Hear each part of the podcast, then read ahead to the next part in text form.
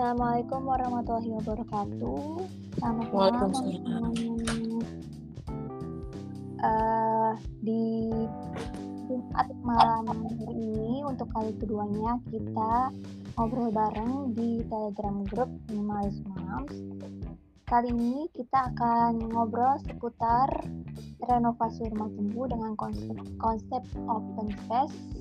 Eh, di sini udah ada Mam Onya yang akan sharing sama kita semua bagaimana pengalaman beliau dan juga eh, tips dan trik untuk merenovasi rumah khususnya rumah tumbuh dengan konsep open space itu sendiri. Tapi sebelum kita dengerin lebih lanjut sharing dari Mam Onya, mungkin Mam Onya boleh memperkenalkan diri terlebih dahulu. Silakan Mam. Halo semuanya, Eh, perkenalkan saya Mbak Onya.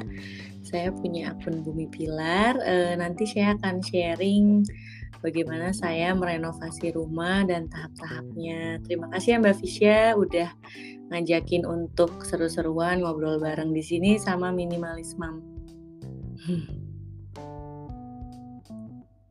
gitu Mbak Fisya. makasih juga Mbak Onya udah mau gabung sama kita di live sharing audio live chat di Iya iya hari sama-sama ini. Mbak. Nah, em, ngomongin soal rumah, Eh, mungkin Mbak On, Mbak Onya boleh nih eh, cerita dulu gimana sih awal mula kepemilikan rumah Mbak Onya. Aku kan juga udah ngepoin nih Instagram Mbak Onya tuh. Iya. Eh, ternyata rumahnya tuh tua gitu kan, udah puluhan tahun yang lalu. Nah, awal mula Mbak Onya bisa menempati rumah itu tuh gimana sih? Jadi awalnya itu aku kan pindah dari Jakarta ke Bandung, terus aku tinggal di rumah mertua biasanya atau rumah papaku. Nah terus eh, nggak lama itu rumah mertuaku tuh dikosongin karena nggak ada yang ngontrak. Udah setahun lebih tuh selama pandemi. Akhirnya kita memutuskan sama suami untuk "Ya udahlah beli aja rumah yang itu karena eh, mertua juga nggak ada pemasukan kan. Biasanya kan dapat dari kontrakan tuh.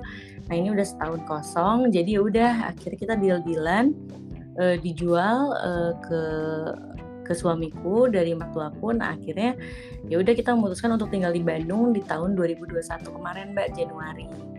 Nah proses renovasinya itu bulan eh, Maret dan baru kelar kemarin bulan Juli Mbak. Gitu. Maret ke Juli berarti sekitar empat bulan ya Empat Mbak Onya? bulan, iya renovasinya empat bulan. Tapi itu juga nggak renov full ya Mbak, jadi cuman bagian lantai satu aja dan itu nggak ada rusak bangunan, cuman dilebarin aja.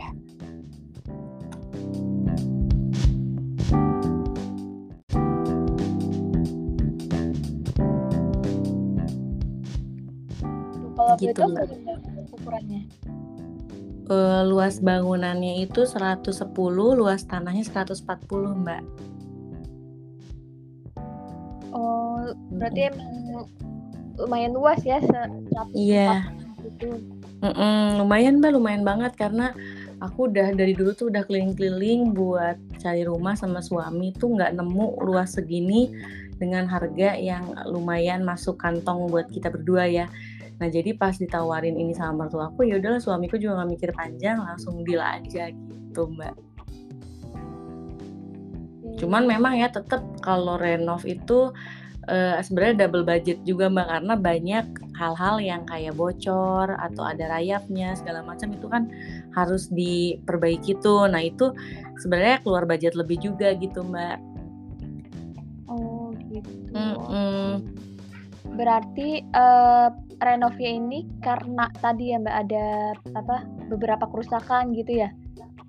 Iya enggak jadi eh, awalnya itu rumahnya itu kayak sekat-sekatnya banyak banget karena dulunya bekas kantor disewainnya tuh. Terus eh, pokoknya sekatnya banyak nggak ada eh, ventilasi udara nggak ada ruang terbuka gitu loh.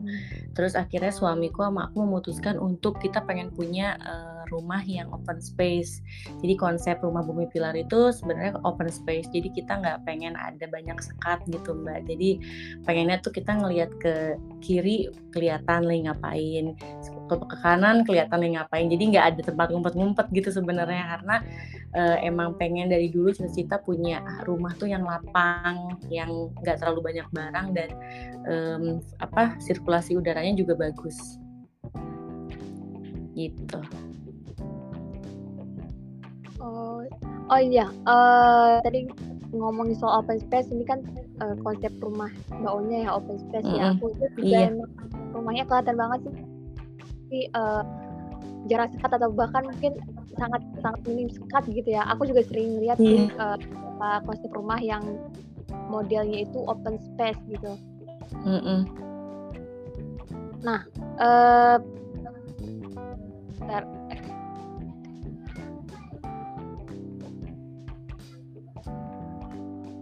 apa sih uh, yang membuat Mbak Onya memilih konsep rumah tumbuh dengan uh, dan open space itu? Uh, aku mikirnya karena pertama budget, budget aku nggak banyak karena kan emang awalnya tuh aku nggak rencana pindah ke Bandung, Mbak. Jadi emang cuman mau datang aja nengok mertua. Terus karena ada satu hal yang wajib bukan wajib ya yang me mengharuskan kita pindah ke Bandung jadi ya udah kita cari rumah aja di sini deh dengan budget yang ada. Nah terus sampai tuh kita jual mobil untuk DP ke mertua dan sisa-sisa tabungan untuk renov. Nah renovnya itu hanya untuk bisanya tuh untuk uh, lantai satu dulu, belum bisa untuk ganti plafon, belum bisa yang gede-gedean lah. Nah udah gitu setelah kita um, apa namanya renov lantai satu terus kita kepikiran pengen open space jadi bobok sana sini. Itu pun nggak keluar duit banyak mbak karena kita kan nggak bikin bangunan baru. Terus kita juga nggak nambah kamar cuman ngerubah aja gitu mbak. Jadi eh, konsep open space-nya itu nggak yang nambah bangunan baru atau nambah ruangan baru nggak. Jadi cuman dibobrok aja. Tapi kita bikin uh, taman mini yang baru itu. Nah taman mini itu tadinya ruangan tertutup nggak ada uh, ventilasi sama sekali uh, terus pencahayaannya juga jelek dan itu nggak tahu ruangan buat apa sebenarnya tadinya. Nah itu kita bikin baru.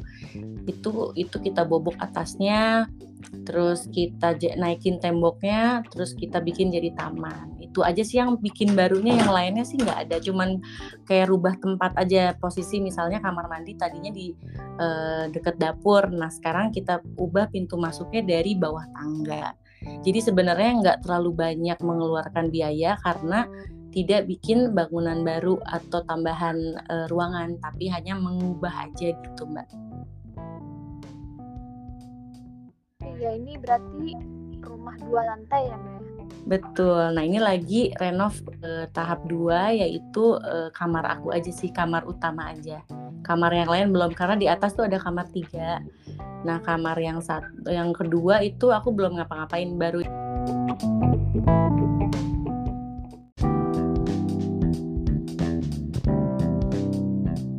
yang kamar utama aja. Gitu Mbak Fisya. Oke. Nah terus aku lihat nih uh, kalau untuk pemilihan apa, kalau pemilihan warnanya baunya ini berarti fokusnya di dua warna aja ya biru sama putih. Biru putih. atau apa sih? Mm -mm. Biru abu sih sebenarnya nggak yang biru ngejreng banget gitu. Aku juga ini nemuin warna biru ini tuh aku uh, milih sendiri. Cuman aku lupa nggak nyatet kodenya. Nah ternyata kan banyak yang nanya atau gitu kan aku catat waktu itu kodenya. Aku oh. nanya tokonya juga, uh, aku nanya tokonya juga dia juga nggak tahu karena ini tuh uh, cat duko oplosan mbak jadi uh, di mix dari warna apa sama apa terus dijadiin dioplos sama si tukang catnya jadilah biru ini gitu. Makanya kata orangnya kalau kamu mau biru ini lagi catnya jangan dibuang ya. Eh, apa maksudnya? Kalengnya jangan dibuang nanti kalau mau bikin lagi bawa kalengnya. Jadi susah makanya kalau orang banyak nanya gimana ya aku cuma bisa kasih contoh warnanya doang ini nih warna biru ini gitu. Iya, iya, iya. Tadinya tuh emang gak niat uh, tadinya tuh malah aku pengennya cat temboknya pun biru mbak. Tapi biru yang lebih kalem uh, kalem ya jadi agak light gitu. Nah tahunya pas dicobain kok kayak rumah angkatan udara gitu. Akhirnya ada nggak jadi deh ganti aja jadi putih. Tapi karena udah beli cat biru kan jadi ya udah cat birunya dikepintuin aja. Karena aku emang pengen ada unsur birunya biar nggak monoton gitu mbak. Nggak terlalu putih doang gitu. Nggak pengen juga sih terlalu kayak gitu. Jadi pengen ada warnanya di biru dan putih gitu mbak Fisya. Iya sih uh, warna putih itu emang apa ya ngasih kesan yang lebih apa ya? Luas. Guys. lebih luas. Lebih luas ya? Iya ha-ha. jadi Terus lebih luas lebih terang. lainnya gitu ya Iya betul Mbak. Karena kan dulu aku tinggal di apartemen. Dulu di apartemen tuh aku eh, warna wallpapernya tuh lebih ke apa ya coklat abu gitu. Jadi lebih gelap. Nah aku emang cita pengen nanti kalau punya rumah pengen terang pengen eh, pokoknya pengen sesuai hati aku aja. Aku senengnya kayak begini loh gitu. Nah waktu apartemen kan yang desain itu suamiku. Jadi aku nggak ikut campur sama sekali. Jadi aku parket pakai parket tuh warna coklat. Jadi kalau ada kecoa aku nggak kelihatan aku nggak suka. Jadi kalau sekarang kan terang ada kecoa ada kecoa juga kelihatan nah itu kecoa ya. Kalau dulu tuh di parket warna coklatnya sama kayak badan kecoa jadi aduh susah nangkepnya jadi itu juga buat aku jadi pertimbangan gitu karena aku nggak suka banget binatang-binatang kecil kayak gitu. Gitu mbak. Iya betul betul ya Mm-mm. manfaat dari memilih warna putih memilih cat cat cat dinding yang warna putih oh ya terus tadi aku juga dapat eh, apa namanya poinnya berarti kalau misalkan kita mau eh, ngecat Mm-mm. rumah nih terus sudah merasa cocok sama cat itu kita simpen gitu ya atau paling enggak ya kita hafalin kodenya kodenya berapa Iya. supaya kalau mau ngecat lagi bisa tahu Bener. namanya bisa nemuin warna yang pas gitu ya Iya bener. Ini aku milih cat putihnya aja galau banget. Akhirnya eh, waktu itu nanya rekomen dari eh, tukangku eh, aku jadi apa apa tuh konsul ke tukang. Pak Wawan ini nama tukangnya kan Pak Wawan. Ini kira-kira putih yang eh, aku nggak pengen putih yang kebiruan putih yang kekreman pokoknya pengen putih. Itu pakai apa ya? Coba aja bu pakai yang cendana terus eh, dia juga ngasih tahu kalau ini tuh rumah ini temboknya dulu catnya udah bagus banget. Jadi kalau ditimpa pakai yang merek Dulux atau Jotun itu malah jadi meletek gitu mbak. Jadi nggak nempel. Jadi harus pakai cat yang eh, harganya di bawah satu juta. Jadi waktu itu makanya aku pilih cat yang kayak eh, apa mau Wilex cendana. Itu harganya tuh 25 kilo cuman 500-600 ribu aja. Tapi hasilnya bagus dan aku suka sekarang kan cendana juga lagi naik ya karena dia ada antibakteri terus apa ini jamur gitu kalau nggak salah gitu. Dan pas eh, ternyata tebakannya Pak Wawan rekomennya Pak Wawan cat yang ini warna putihnya emang bagus. Putihnya putih nggak ada kebiruan nggak ada keabuan nggak ada kekreman jadi bener-bener putih aja gitu mbak. Makanya masuk ke warna biru yang di pintu aku. Gitu mbak Fisya putih aja juga kita harus tahu ya beda-beda Iya, banyak banyak banget bedanya warna putih itu ada yang putih ini putih itu jadi pusing emang ya makanya kalau terlalu banyak milih juga malah jadi pusing kitanya.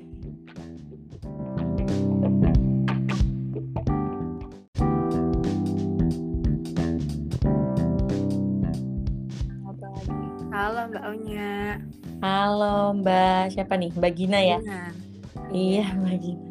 Jadi aku tuh suka penasaran sama orang yang bangun-bangun karena kebetulan kan eh, orang tua aku tuh agak suka gitu ngebangun. Nah kalau Iya. ngebangun rumah dari yang sudah jadi ya ini ya ceritanya kan. Udah Mm-mm. jadi terus kita mau ngerombak kan ceritanya itu kira-kira eh, berapa persen pengeluaran dibandingkan dengan beli yang baru Mbak? Untuk kebutuhan Mbak sendiri. Kalau aku yang sekarang ya, itu sih sebenarnya cuman nggak banyak sih Mbak. Ini total keseluruhan aku renov itu 80 juta. Tapi kalau sama kayak kulkas, meja makan, sama eh, furniture itu 113 juta. Jadi sebenarnya eh, bisa dipres lagi sebenarnya karena aku waktu itu awalnya kan mikir di kamar mandi itu mau mau kamar mandi dulu renovnya. Jadi aku habisin budget di situ, semua perabotannya bagus-bagus. Nah, tapi kalau misalnya budgetnya mau lebih dipres lagi juga bisa sebenarnya gitu loh. Jadi mungkin cuman eh, dari rumah yang beli baru gitu ya Mbak ya. Sekitar 60-70% lah Mbak.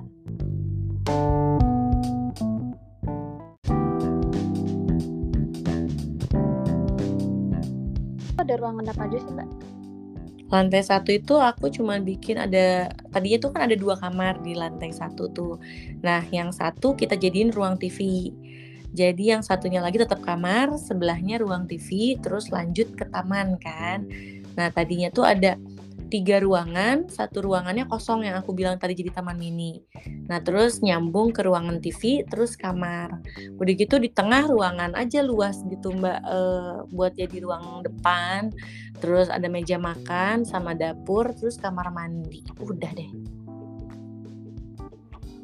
Gitu mbak.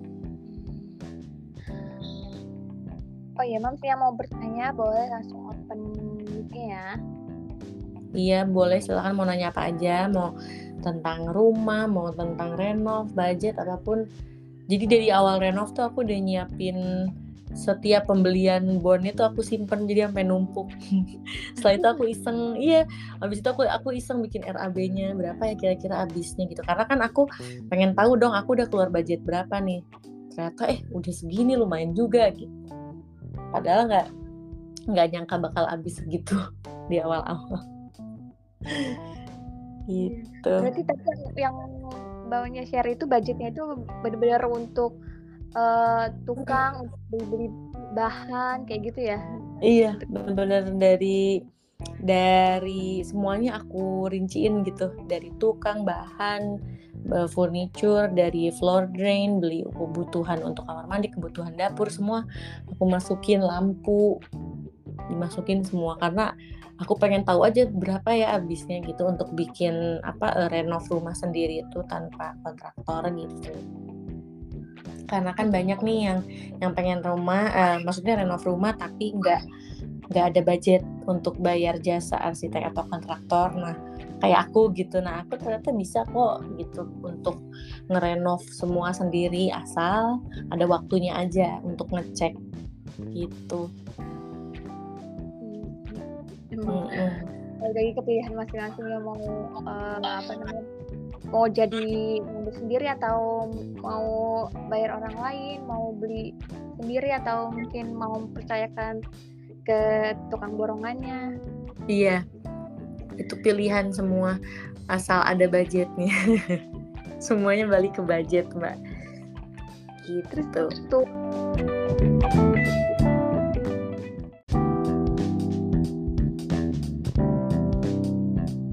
uh, yang tersisa belum direnov berarti yang lantai dua yang dua Betul. kamar Lantai dua sama pagar insya Allah. Karena kan sebenarnya memang kalau dari depan dilihat pagar kan utama gitu ya. Cuman kalau buat aku sama suami mendingan isi rumah dulu yang emang kita tempatin gitu loh. Karena kan kalau pagar kita nggak nempatin cuman dipandang doang gitu kan. Nah kalau di apa di uh, kamar di dalam rumah itu kan kita yang nempatin kita sehari-hari di situ. Jadi makanya kita milih untuk renov itu dulu sebelum pagar gitu mbak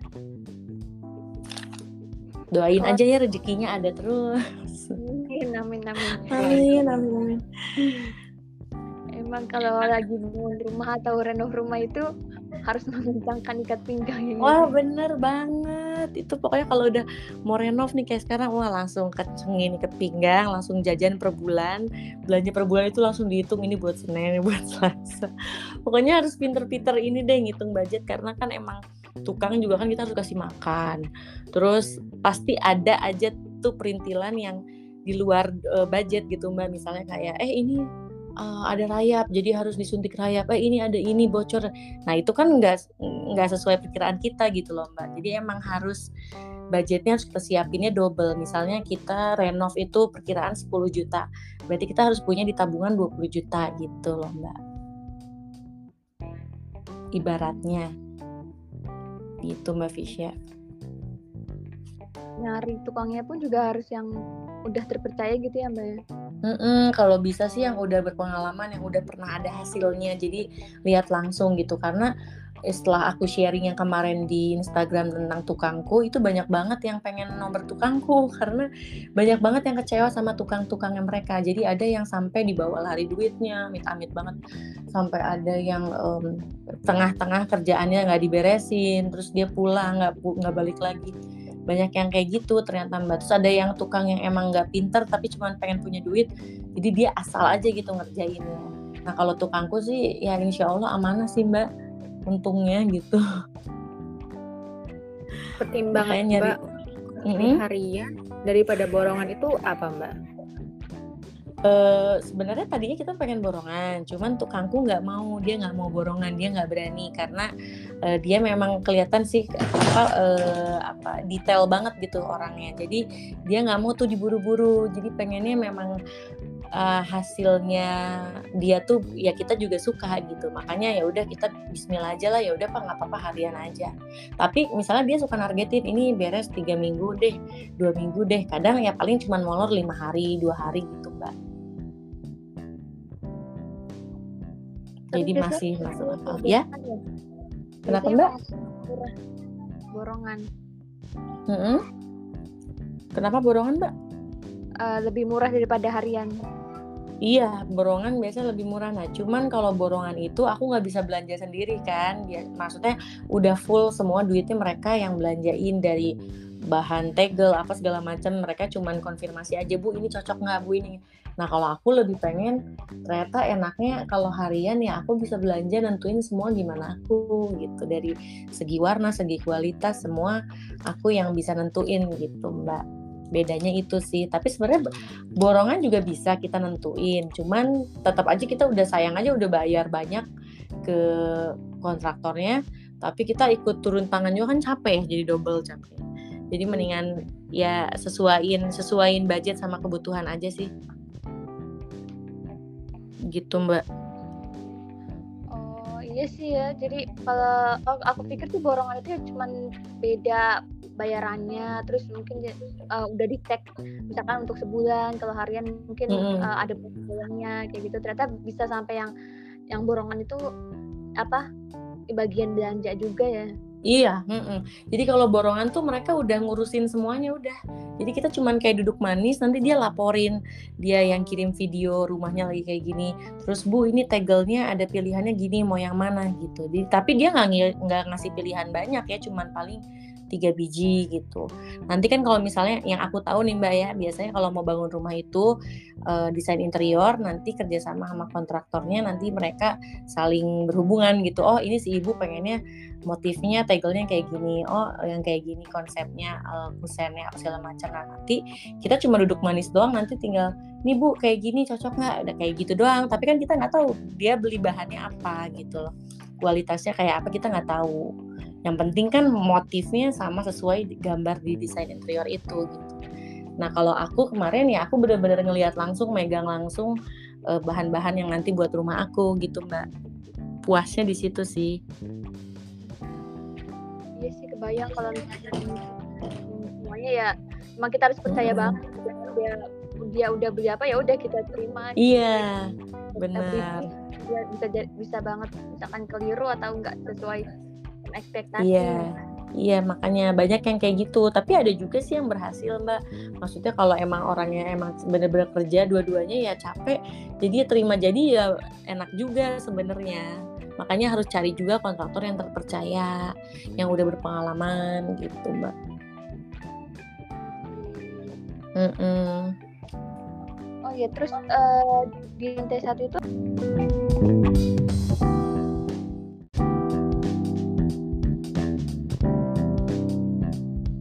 pengerjaannya sesuai sama ekspektasi nggak tuh mbak? Sesuai banget karena kan uh, jadi aku tuh nggak pakai gambar mbak. Ngasih ke pawawannya tuh cuman by omongan aja pak nanti saya pengen kayak gini ya. Nanti ini yang tegel ini disimpannya di sebelah sini. Nanti kamar mandi pengen ada sekat. Terus nanti ruangan ini pengennya begini. Dia udah ngerti gitu udah paham gitu. Malah kadang dia juga ngasih uh, rekomen bu nanti ini sebaiknya begini. Kalau kayak gini nanti nggak cocok nanti bakalan jadi begini gitu. Jadi ya udah kita konsul konsul berdua aja tanpa gambar. Gitu mbak. Pinter ya bapaknya ya. Iya. -mm, tukangnya pinter untungnya lah aduh makanya itu udah dia jadi pegangan aku banget. Kata aku pawan sehat-sehat ya jangan sampai sakit ya panjang umur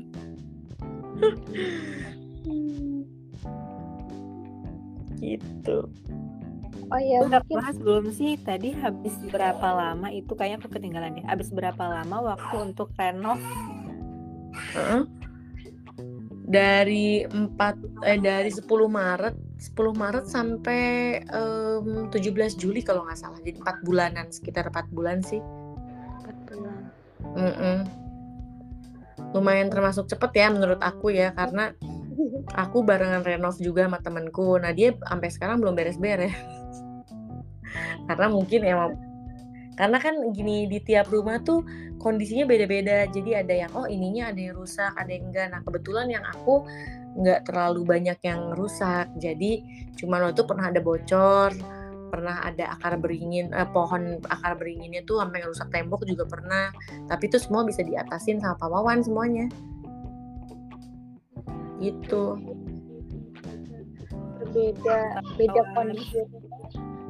Ya be bisa bisa banget beda waktu pengerjaannya meskipun mulainya barengan selesai bisa beda gitu ya Mbak bisa bisa. Jadi dia nggak perlu nambah biaya lagi kalau misalnya kita minta tolong ini minta tolong itu cuman ya kadang aku kasih kasih lebih kasihan juga gitu mbak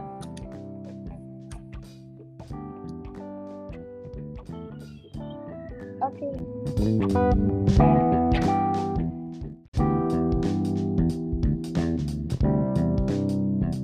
Gak kerasa nih baunya udah setengah jam nih kita Iya ya, udah setengah jam ya.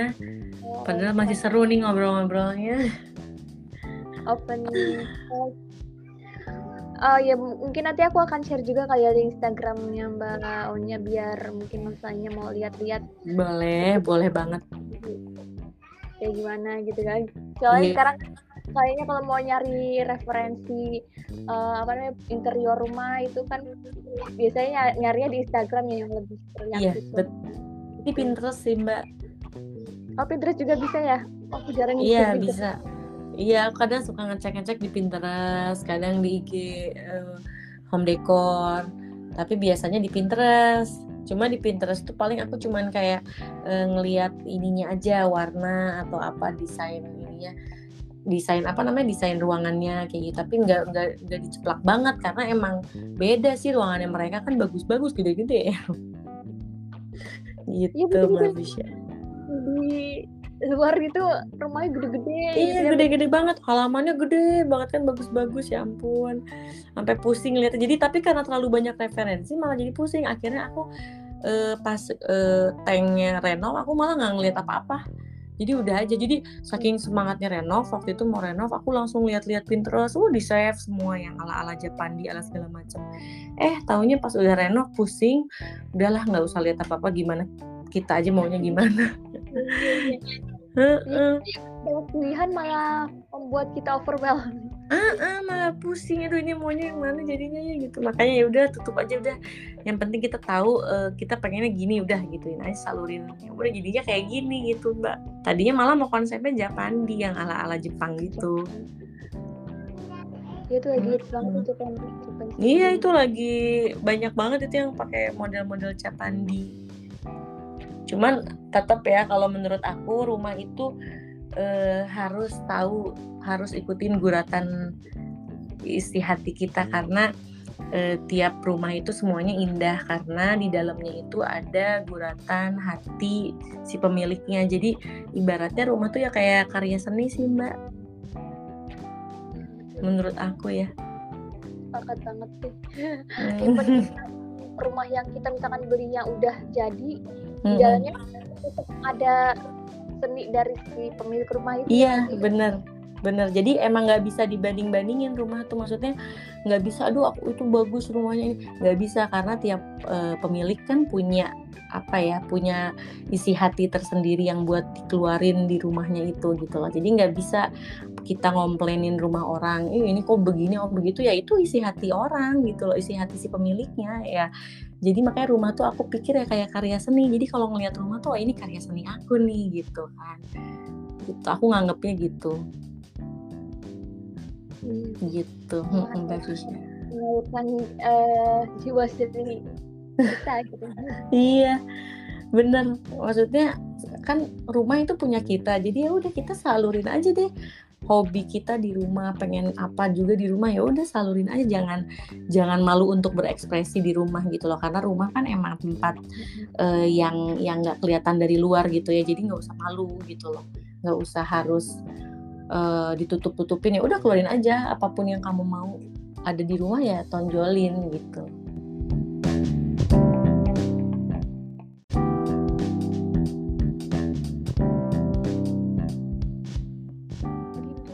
Mbak Yuli ini ada pertanyaan dari Mbak Yuli. Eh salah, sorry dari Mbak Yuli katanya itu membangunnya secara bertahap tapi kok bisa matching semua gitu sih? Tipsnya apa? Kan biasanya seiring berjalannya waktu biasanya selera itu ikut berubah gitu katanya. Uh, mau nanya terlalu aku baca dulu itu mau nanya oh uh, bertahap itu kan aku yang lantai satu ini emang udah barengan tuh renovnya. Jadi emang disesuaikan aja. Temanya semua sama biru putih dan um, sebenarnya tema aku tuh cuma open space. Cuman kemarin di Instagram tuh banyak yang ngomong eh kok kayak Santorini, eh kok kayak rumah di pedesaan, eh kayak kayak rumah kayak museum, kayak keraton? Itu banyak banget yang macam-macam ngomong gitu. Jadi aku sebenarnya temanya tuh cuma mau open space gitu loh. Terus pengen uh, sirkulasinya uh, masuk dari mana-mana aja sebenarnya awalnya. Jadi renov lantai satu itu uh, konsepnya emang sama semua kayak gini gitu loh. Nah nanti yang uh, renov lantai dua itu aku juga konsepnya mau samain sama yang bawah. Paling sama ini ya dari cat aja. Dari catnya biru dan putih gitu. Sisanya sih uh, aku standar sih sebenarnya rumahnya cuman putih biru udah gitu aja konsep temanya ya udah cuman open space aja gitu nggak terlalu banyak barang nggak terlalu banyak barang yang dipajang gitu mbak. Ya aku suka banget sih itu uh, apa namanya?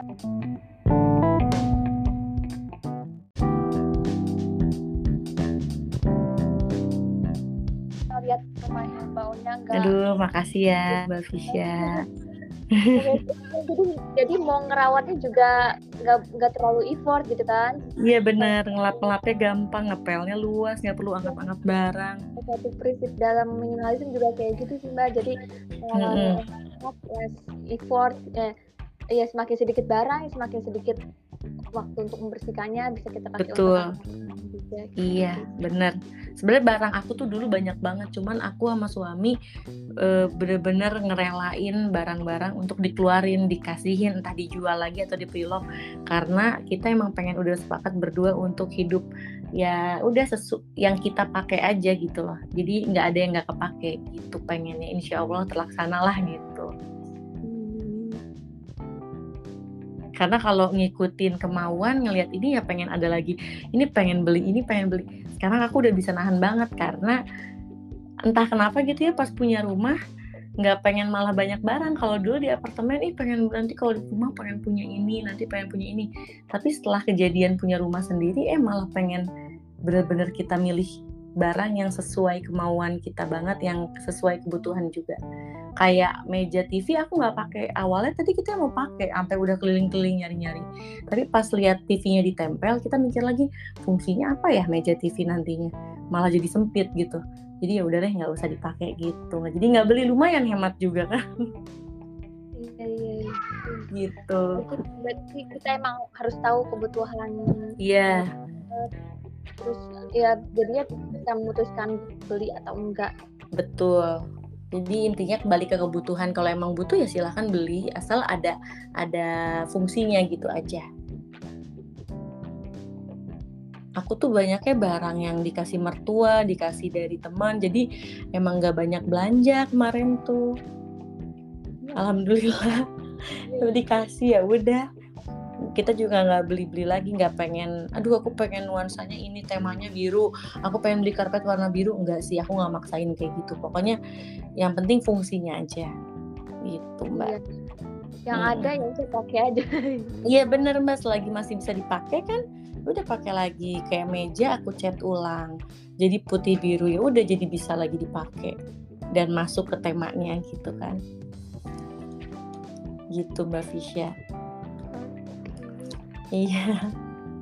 Seru banget ya nanti next ngobrol-ngobrol lagi Mbak Fisya. Kita IG live, jadi teman-teman di IG ku juga bisa join. Iya boleh boleh deh next time. Iya. Karena uh, ternyata udah 39 menit kita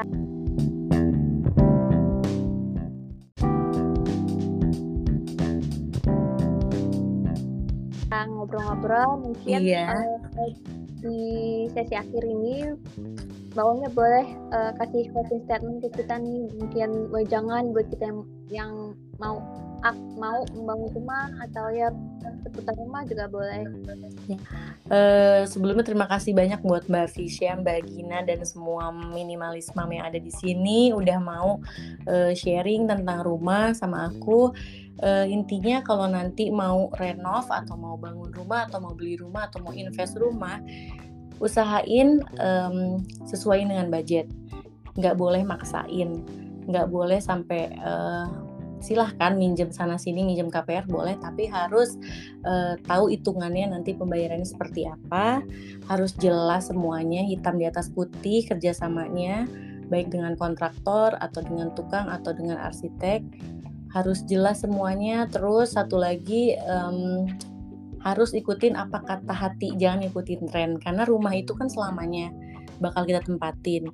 Nah, kita jadikan rumah itu emang tempat kita untuk um, apa ya kayak menyalurkan hobi kita di sana, menyalurkan isi pikiran kita di sana. Jadi jangan ikutin tren. Tren lagi rame Japandi, tren lagi rame Skandinavian, tren lagi rame Sebicik. Gak usah diikutin kalau emang kita nggak suka gitu loh. Jadi ya udah rumah rumah itu apa ya tempat kita kembali kan dari setiap kegiatan di luar dan kita pengen di rumah itu um, isi hati kita semua keluar di sana. Jadi ya udah apa eh, siapin rumah yang kita pengen nanti itu apa adanya sesuai kemauan kita. Jangan ngikutin tren. Itu sih paling penting. Dan jadiin rumah kita itu karya seni. Inget harus jadi karya seni karena dan harus bersyukur karena emang nggak boleh ngelihat ih rumah itu keren aduh aku pengen kayak gini aku nggak bisa kayak gini. Bersyukur. Kita harus bersyukur juga udah bisa punya rumah sampai detik ini mau yang itu masih ngontrak mau itu masih rumah tinggal sama mertua tetap bersyukur. Karena gimana pun masih banyak yang lebih susah dari kita gitu ya Mbak Fia ya. Itu aja sih. Wow. Pesannya. Pesannya dalam banget ya. Kayak banget ya. yang aku highlight tadi nih Mbak. Uh, soal bagaimana kita membangun rumah sesuai dengan kebutuhan sesuai dengan kemampuan kita. Jangan iya. jangan impulsif melihat tren padahal uh, ya karena cuma impulsif doang. Ah ini kayaknya bagus. Padahal ternyata iya. kita nggak nggak terlalu ya, suka hmm, nah, hmm. nanti malah ujung-ujung ntar diubah lagi jadi double budget kan gitu. Terus juga tadi uh, mau itu status yang kontrak sewa iya sendiri atau ya rumah sendiri yang penting kita happy gitu ya tinggal Betul. di dalam Iya betul. Karena kan mau gimana pun rumah walaupun nyewa ngontrak tinggal sama mertua kita punya satu kamar yang itu isinya punya kita ya udah kita nikmatin di situ kita jadinya si kamar itu jadi tempat untuk kita mencurahkan isi pikiran kita, hobi kita gitu. Nanti saat kita punya rumah ya udah kita bisa udah tahu oke okay, saya punya hobinya uh, pikiran aku nanti rumah mau kayak gini udah ada gitu loh gambarannya. Gitu Mbak Fisya. mertua masih tinggal sama mertua gitu kan kita pasti punya space pribadi ya setidaknya kamar kita gitu ya iya betul betul mbak Fisya. Karena aku juga dulu ngalamin kayak gitu sebelumnya kan aku juga tinggal sama mertua terus tinggal di apartemen. Nah sebelum itu aku tuh udah mikir nanti kalau aku punya rumah kayak gini-gini nih. Nah taunya alhamdulillah sekarang bisa kesalurin idenya gitu mbak Fisya. Aku doain semua mam minimalis yang ada di grup ini juga tercapai semua deh cita-citanya keinginannya ya mams Amin. Oke, makasih banyak ya Mbak Onya udah mau sharing sama kita di Iya, sama-sama Mbak Fisya. Aku akan memberikan pencerahan, inspirasi iya. bisa buat aku pribadi juga. Semoga kita iya, Fisya. ketemu lagi di uh, next kolaborasi lainnya bisa sharing bareng lagi. Oke, amin siap Mbak Fisya. Makasih juga buat